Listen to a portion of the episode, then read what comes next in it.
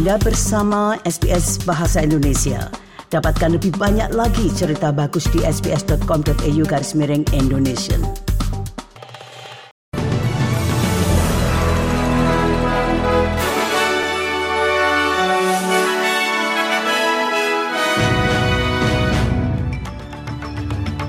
Berita terkini SBS Audio Program Bahasa Indonesia untuk Senin 4 Maret 2024 penguatan hubungan ekonomi, keamanan regional, perubahan iklim, dan energi ramah lingkungan menjadi agenda utama para pemimpin negara-negara ASEAN yang berkumpul untuk menghadiri KTT khusus ASEAN Australia di Melbourne.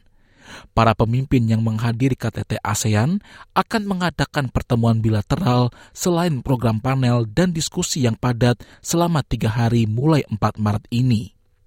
Wakil Perdana Menteri Richard Marles mengatakan kepada ABC Breakfast bahwa keamanan regional adalah kunci kemakmuran Australia. ASEAN is completely central in terms of uh, our economic future, but it's very much central in terms of our security future. We, we really see that Australia's security lies very much uh, within our region. The defence of Australia doesn't mean that much unless we have a, a stable and peaceful and secure Southeast Asia. Pertemuan ini adalah pertama kalinya sejak 2018 Australia menjadi tuan rumah KTT tersebut.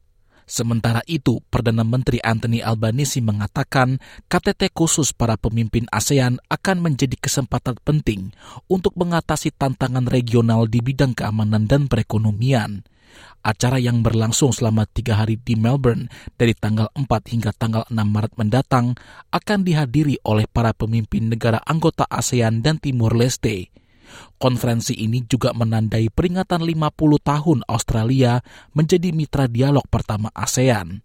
Albanisi mengatakan bahwa bersatu untuk mencari solusi dan memetakan arah masa depan sangatlah penting dalam kondisi saat ini. What that's about is particularly taking the work that Nicholas Moore identified, his Southeast Asia economic strategy to 2040. That outlines the opportunity that is here in Australia from engagement with Indonesia, with the Philippines, with our neighbours, in order to create jobs here. Benefit for Australia in terms of our economy, but also in our uncertain world national security. Presiden Filipina Ferdinand Bongbong Marcos Jr. mengatakan dia menantikan pertemuan puncak tersebut. The summit will be an opportunity for the Philippines to thank Australia, ASEAN's oldest dialogue partner, for its unwavering support for the rule of law, for the 1982 UNCLOS and the 2016 Arbitral Award. Through timely statements of support as well as to capacity building, I look forward to the opportunity to meet with the Filipino community in Melbourne. Rencana sedang dilakukan untuk kemungkinan Raja Charles dan Ratu Camilla berkunjung ke Australia. Pemerintah federal telah mengkonfirmasi sedang berbicara dengan negara bagian dan teritori tentang kemungkinan kunjungan kerajaan akhir tahun ini. Meskipun raja telah mengurangi keterlibatannya setelah diagnosis kankernya, Perdana Menteri Anthony Albanese mengatakan rencana sedang dilakukan untuk kemungkinan logistik. Raja Charles telah melakukan 15 kunjungan resmi ke Australia, terakhir pada tahun 2018 untuk menghadiri pesta olahraga persemakmuran, namun tidak pernah melakukan kunjungan resmi saat menjabat sebagai raja. Ini akan menjadi kunjungan pertama raja yang berkuasa sejak Ratu Elizabeth pada tahun 2011. Kepolisian New South Wales dapat mempertimbangkan untuk melacak GPS pada semua senjata api, menyusul tuduhan bahwa seorang petugas yang bertugas membunuh pasangan di Sydney.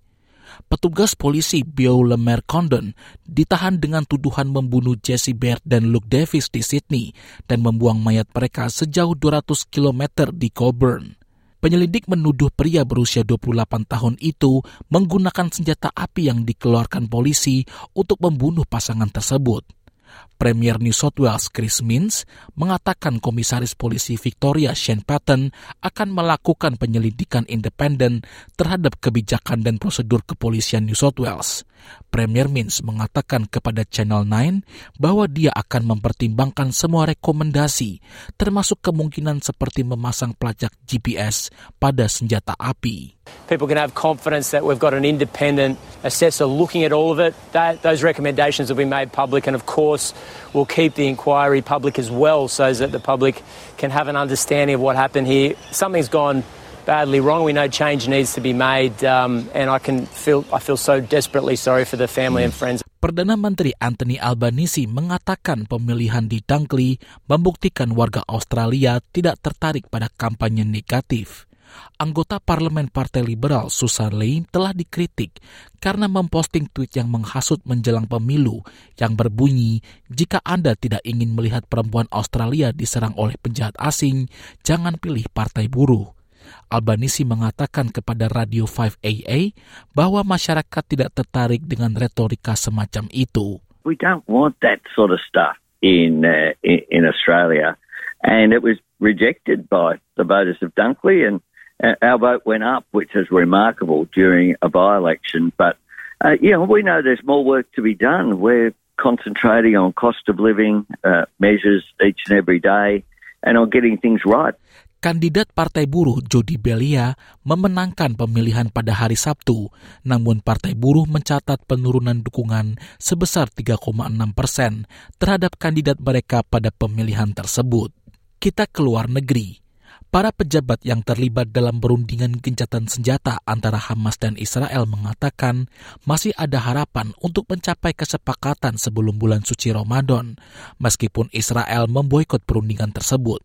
Media Israel melaporkan tidak ada delegasi yang dikirim ke Kairo setelah Hamas dilaporkan gagal memenuhi tuntutan untuk merilis nama-nama sandra yang masih hidup. Delegasi Hamas tiba di Kairo untuk menghadiri perundingan tersebut yang dianggap sebagai rintangan terakhir sebelum pertemuan terhenti selama enam minggu. Menteri Luar Negeri Turki Hakan Fidan terlibat dalam negosiasi tersebut dan yakin mereka masih bisa mencapai kesepakatan sebelum bulan Ramadan yang dimulai pada 9 hingga 10 Maret mendatang. I can say that our current talks, especially the ongoing ceasefire talks between the parties on the Gaza issue, are continuing through mediators. While my relevant colleagues were here, we talked in depth with them. In other words, what are the parts that are failing? What are the parts that are not understood?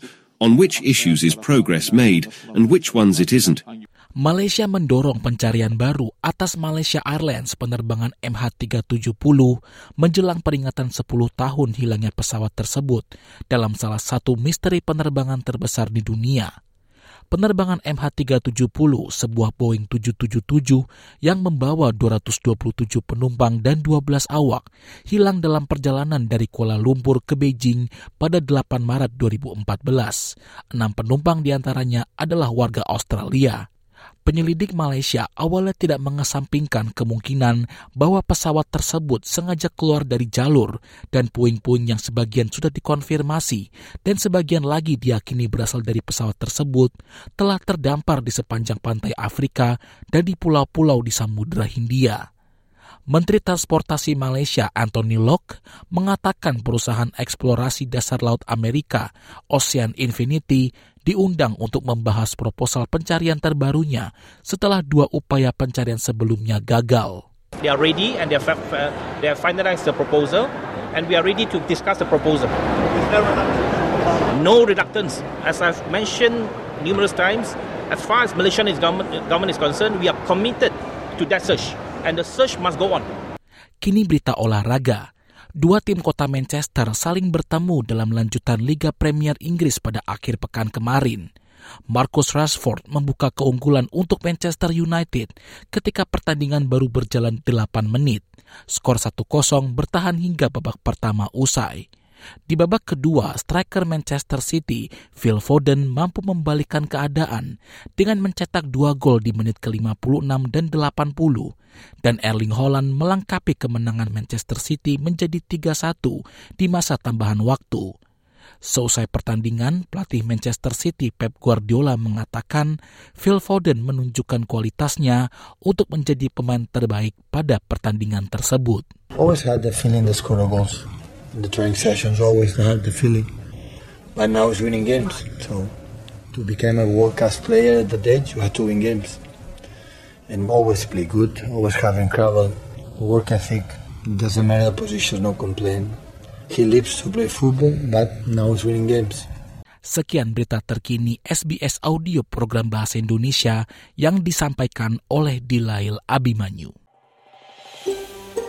Anda ingin mendengar cerita-cerita seperti ini? Dengarkan di Apple Podcast, Google Podcast, Spotify, atau di mana pun Anda mendapatkan podcast Anda.